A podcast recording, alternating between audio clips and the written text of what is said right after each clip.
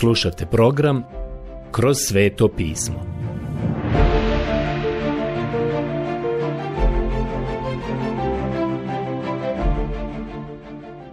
Knjiga Izlazak Odlomak Izlazak Poglavlje 15 Izraelska pjesma Iskupljenja Danas dolazimo do 15. poglavlja knjige Izlaska i djeca Izraela su sada prešla Crveno more.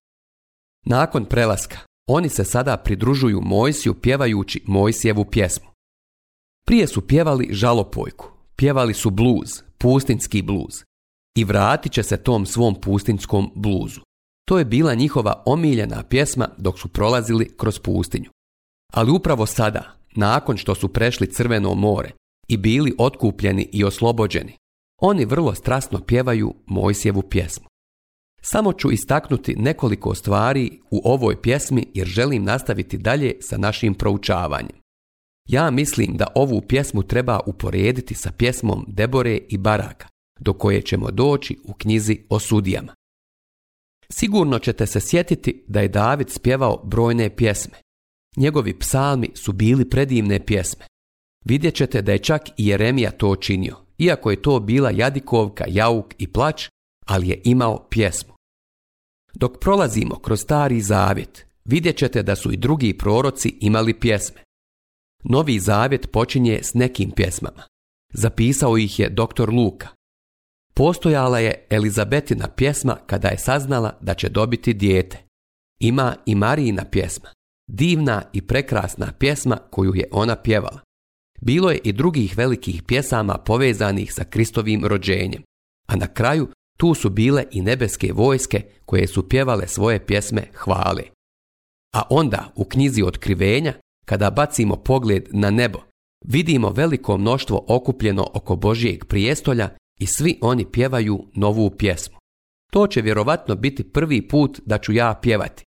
Do sada nikad nisam uspio pogoditi notu, ali tada u novom tijelu i s novim glasom Siguran sam da ću moći pjevati i pridružiti im se u toj novoj pjesmi.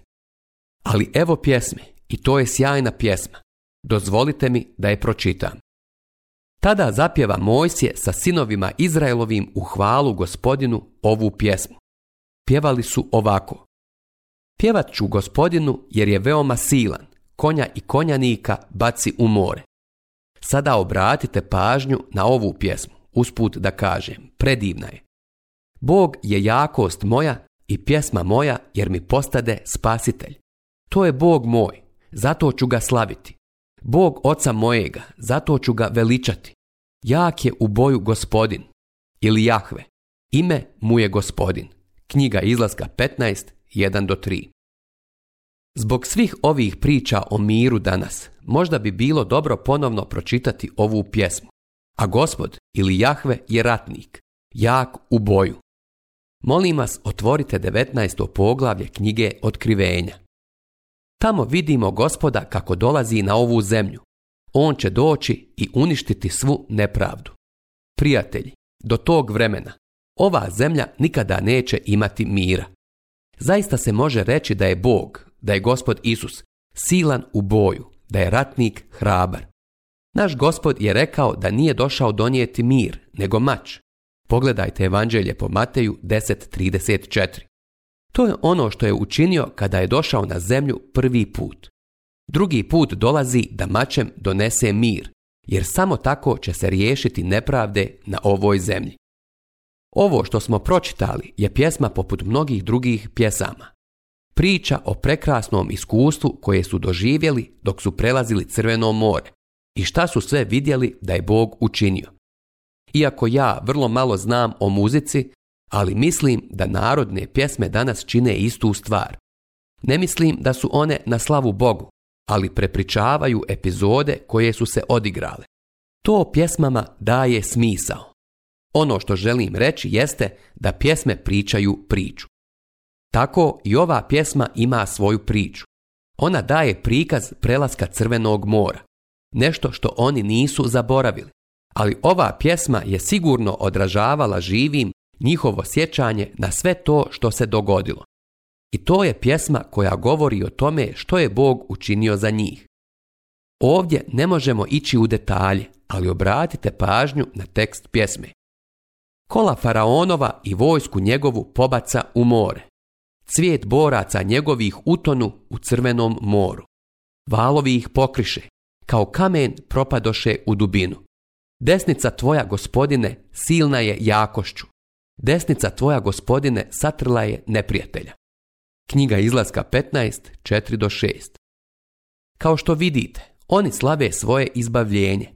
Egipćani i Egipat su za njih predstavljali robstvo u kojem su bili. Predstavljaju njihovo beznađe, njihovu bespomoćnost, a sada su oslobođeni, izbavljeni, otkupljeni su. I to je suština njihove pjesme. Spustit ću se dole u našem tekstu i sada ćemo pročitati 11. stih. Tko je od bogova kao ti, gospodine? Tko je kao ti, tako sjajan u divnom veličanstvu? Tako strahovit u dijelima slavnim? Čudesa su dijela tvoja. Knjiga izlaska 15.11.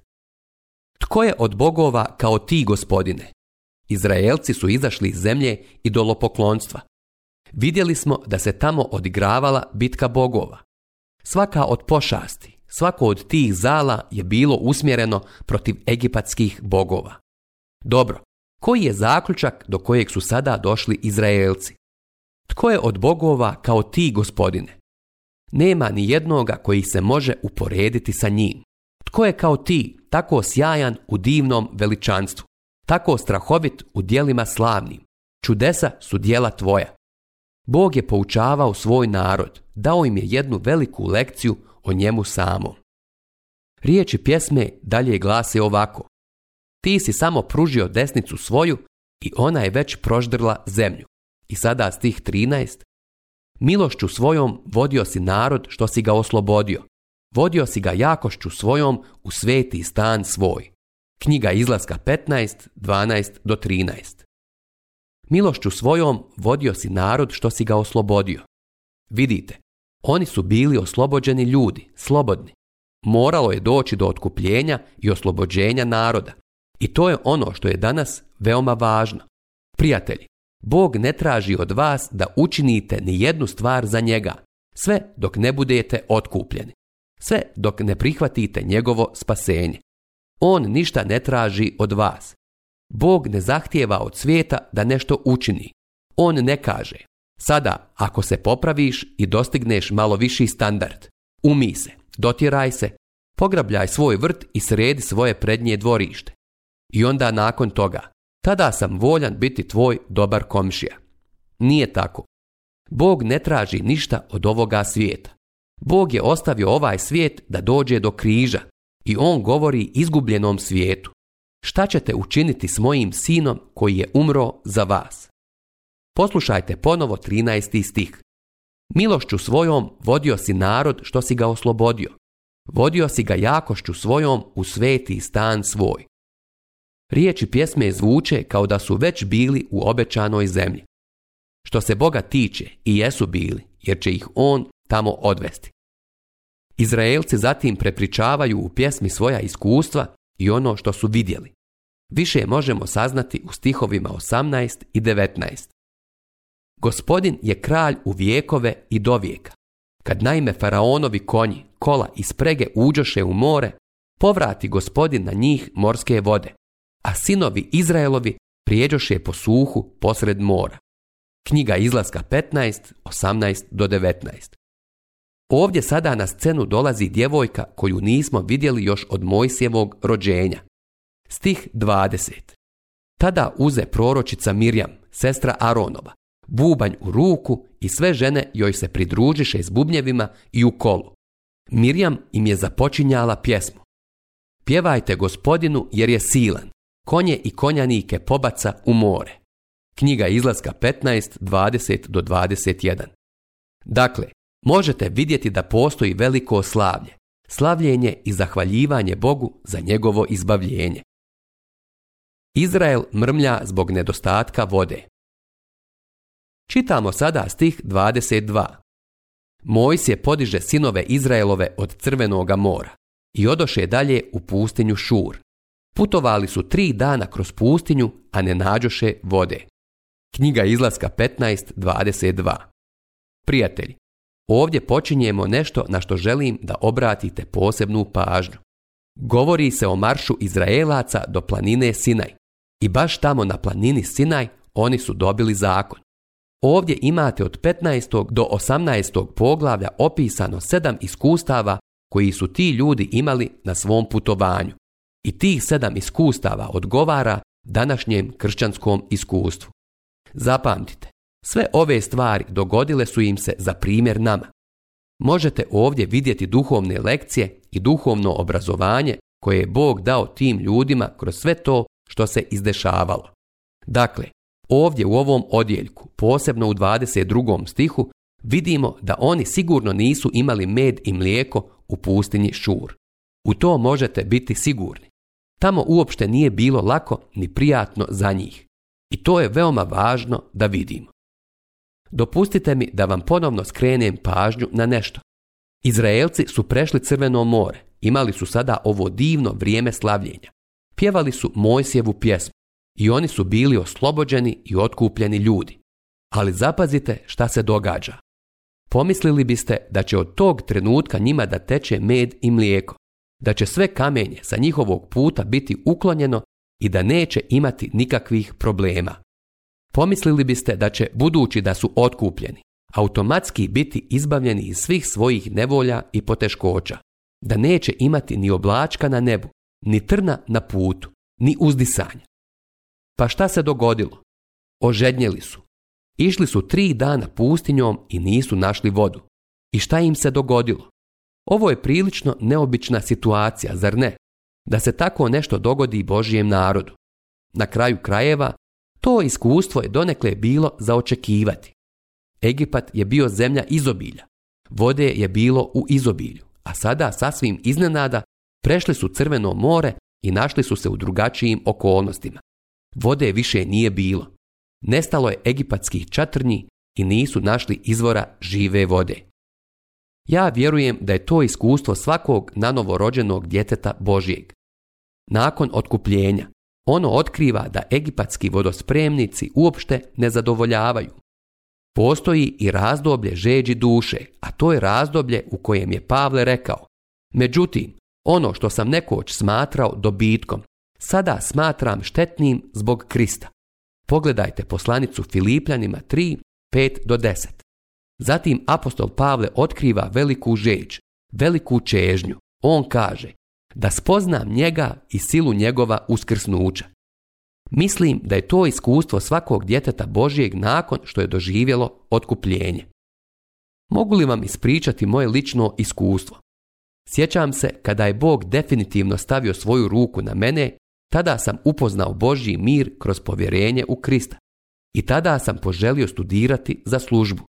Tada sam radio u banci i živio sam što se kaže punim plućima. Mislio sam da se dobro zabavlja. Bio sam predsjednik jednog odbora za plesne događaje. Ja sam odlučio da neću odjednom prekinuti sa tim. U to su vrijeme uvijek imali neka prošvercovana alkoholna pića za plesne igranke. Otišao sam na ples te večeri. Nisam plesao. Samo sam stajao i šetao u naokolo i obilazio. Ponudili su mi piće, valjda desetak puta. I odbio sam.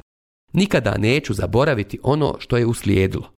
U banci sam imao jednog kolegu. Bio sam postavljen iznad njega kao njegov nadređeni, a on mi to nikada nije oprostio. Ja nisam bio kriv zbog toga, jer ja nisam bio taj koji je vodio banku i postavljao ljude na pozicije. A taj moj kolega je težio uvijek da iskoristi priliku i zgrabi viši položaj. I tako mi je prišao na toj plesnoj igranci dok sam stajao i posmatrao, Rekao mi je, ovo je baš lijepo mjesto za propovjednika. Bio je zajedljiv kada mi je to rekao. Zaključio sam da je u pravu i zato nikada to neću zaboraviti. Kao malo išibano pseto spustio sam se niz stepenice i izašao na ulicu, a čuo sam onaj orkestar sa te plesne igranke kako svira u daljini. Tada sam se zamalo okrenuo i vratio tamo i htio sam pogledati tog kolegu u oči i reći mu, vidi, Mislim da ću samo ostati ovdje sa društvom. Ali hvala Bogu nisam. Znate, uvijek postoji onaj izlet u divljinu nakon što ste spašeni kada postanete malo žedni. Egipatske cisterne jednostavno vas neće zadovoljiti, jer vi tražite žive vode. Ja nisam znao gdje da ih nađem, govorim vam istinu. Znao sam vrlo malo o Bibliji. Uopšte se nisam mogao snaći u njoj. Ali Ubrzo sam saznao da je postojao jedan za koga je apostol Ivan napisao u 37. stihu 7. poglavlja svog evanđelja. U posljednji veliki dan blagdana stajao je Isus i vikao Tko je žedan neka dođe k meni, neka pije tko vjeruje u mene. Kako je divno bilo doći njemu. Ovo je bilo prvo iskustvo koje su Izraelci imali, a onda su imali drugo iskustvo koje nije bilo puno bolje. Molim vas, poslušajte šta je zapisano u 23. stihu. Kada dođoše u Maru, a Mara nije samo ime mjesta, već znači gorčina. Ne mogoše piti vode u Mari, jer je bila gorka. Zato se prozva Mara. Narod je mrmljao protiv Mojsija i govorio, što ćemo piti? I on zavapi gospodinu. I gospodin mu pokaza drvo. Kad ga baci u vodu, postade voda slatka. Ondje mu dade zakon i pravo i ondje ga stavi na kužnju. On reče, ako doista budeš rado slušao glas gospodina, Boga svojega, i ako budeš činio što je pravo u njegovim očima, i ako se pokoriš njegovim zapovjedima i ispuniš sve njegove uredbe, onda ni jednu od onih bolesti što sam ih bio oborio na Egipat neću pustiti na tebe. Što više ja, gospodin, bit ću tvoj spasitelj. Knjiga izlaska 15, 23 do 26. Ovo je bilo njihovo drugo iskustvo. To je kod Mare, a tamo je bila gorka voda kada su tamo stigli. Zamislite samo to. Proveli su tri dana u pustinji bez vode i bili su žedni, a kada su konačno stigli do Mare, zatekli su gorku vodu. Sjetite se da su to bili iskupljeni ljudi, a ovo je mjesto bilo tačno na liniji njihovog puta prema obećanoj zemlji. Bog im je to odredio. Znate da je oaza Mara uobičajeno kršćansko iskustvo. Gorko iskustvo dolazi kršćaninu, a to je nešto što će vas možda začuditi i zbuniti. Čujete ovo što je danas rečeno i neko od vas se možda sada pita. Zašto Bog dopušta da mi se ovo dogodi? Prijatelji, ne mogu vam reći zašto, ali mogu reći sljedeće. On vas ne kažnjava. On vas edukuje i vaspitava. On vas priprema za nešto. Naš gospod kaže da ćemo u svijetu imati nevolje. Ta mara se nalazi tačno na vašem putu. Ja mislim da na putu svakog vjernika postoji mara. I Bog je to tako uredio. Možda ste već čuli da je neko rekao da su razočarenja dio onoga što Bog radi u našim životima. Čuo sam da je tako, a i sam sam to doživio i prošao kroz to. Jedna mlada osoba mi je rekla, htio sam ići u školu, htio sam se pripremiti za misionarsko polje, ali se pojavila ova tragedija. Moj otac je umro i ja nisam mogao ići u školu. Morao sam pomagati i uzdržavati svoju majku. Sjećam se da kada sam bio pastor u Nešvilu, tamo je bila jedna veoma lijepa mlada žena, ali je bila sjeda prerano je osjedila. Ona je bila nadstojnica odjela za mlade. Nikada se nije žalila. Bila je dobra i blaga. Pitao sam jednog dana nekoga za nju. Šta je razlog da je njena kosa tako rano osjedila? Odmah da kažem da je to bilo jako davno. Odgovorili su mi. Sjećate li se prvog svjetskog rata? Ona je bila zaručena za jednog od najboljih momaka ovdje u crkvi, a on je otišao u Francusku i tamo je poginuo. Tada je njena kosa posjedila jer su se trebali vjenčati. To je bila Mara u njenom životu. Prijatelji, tu su frustracije, razočarenja i tuge i vaši se planovi mogu jednostavno raspasti poput slagalice. A moglo bi se dogoditi da tamo negdje na brdu postoji i neki mali grob. Imam jedno takvo iskustvo. Mogu vam reći da svi imamo svoje mare. Nećete ih zaobići niti izbjeći. Kao kršćani ne možete ih zaobići, ne možete ih preskočiti, niti postoji neki podzemni tunel ispod njih. Mogu vam reći sljedeće. Ne dopustite da sjeme bude ugušeno trnjem ili brigama svijeta. Ne dopustite im da ga uguše. Znate li da Bog koristi željezo za žigosanje? Sjećam se da sam kao dječak u zapadnom Teksasu u proljeće jedne davne godine gledao kada su došla telad Žigosali su ih i mogli ste ih tada čuti kako plaču. O, mogli ste ih čuti kako zbog velikog bola ispuštaju zvukove poput plaća. To vas nekako čini tužnim, ali nakon toga znate kome ta telad pripadaju. I to bolno žigosanje je obavljeno da se tele ne izgubi. Bog to čini za nas danas. Znate li šta je to što može pomoći marama? Da se gorka voda promijeni u pitku. Ovdje nam je rečeno da je to bilo drvo koje je stavljeno u vodu i učinilo ju je slatkom. Kada je naš gospod bio razapet na drvenom križu, tada je rečeno da je proklet svako ko visi na drvetu. Isus je umro na drvenom križu i taj križ čini životna iskustva slatkima. Okusio je smrt za svakog čovjeka i izvadio žalac smrti. O smrti, gdje je tvoj žalac? I mi ponekad pjevamo. Mora li Isus sam nositi križ da bi sav svijet mogao biti slobodan? Ne, postoji križ za vas i postoji križ za mene. Ljubljeni moji, Kristov križ je taj koji će gorka životna iskustva učiniti slatkima. I sada na kraju posljednji stih. Na to dođoše u Elim. Tu je bilo 12 izvora i 70 palmi. Tu se utaboriše kraj vode. Knjiga izlaska 15.27.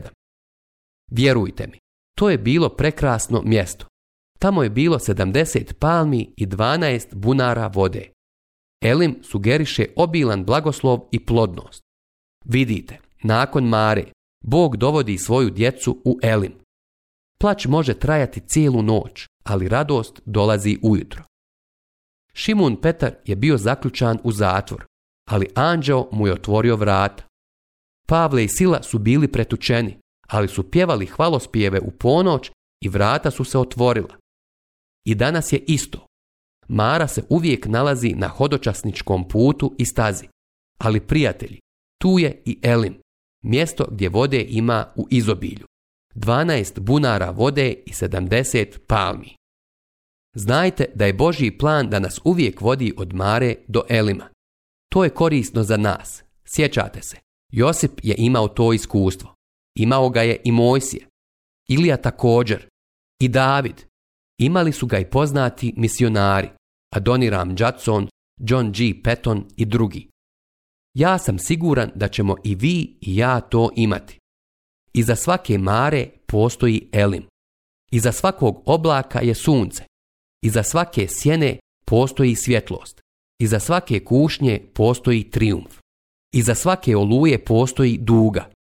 George Matheson je napisao Pratio sam dugu kroz kišu. Prijatelji, to je put kojim nas Bog i danas vodi. To se sve u slici događalo njima, a napisano je za opomenu nama koji živimo u posljednja vremena. Danas ćemo se zaustaviti ovdje kod Elima.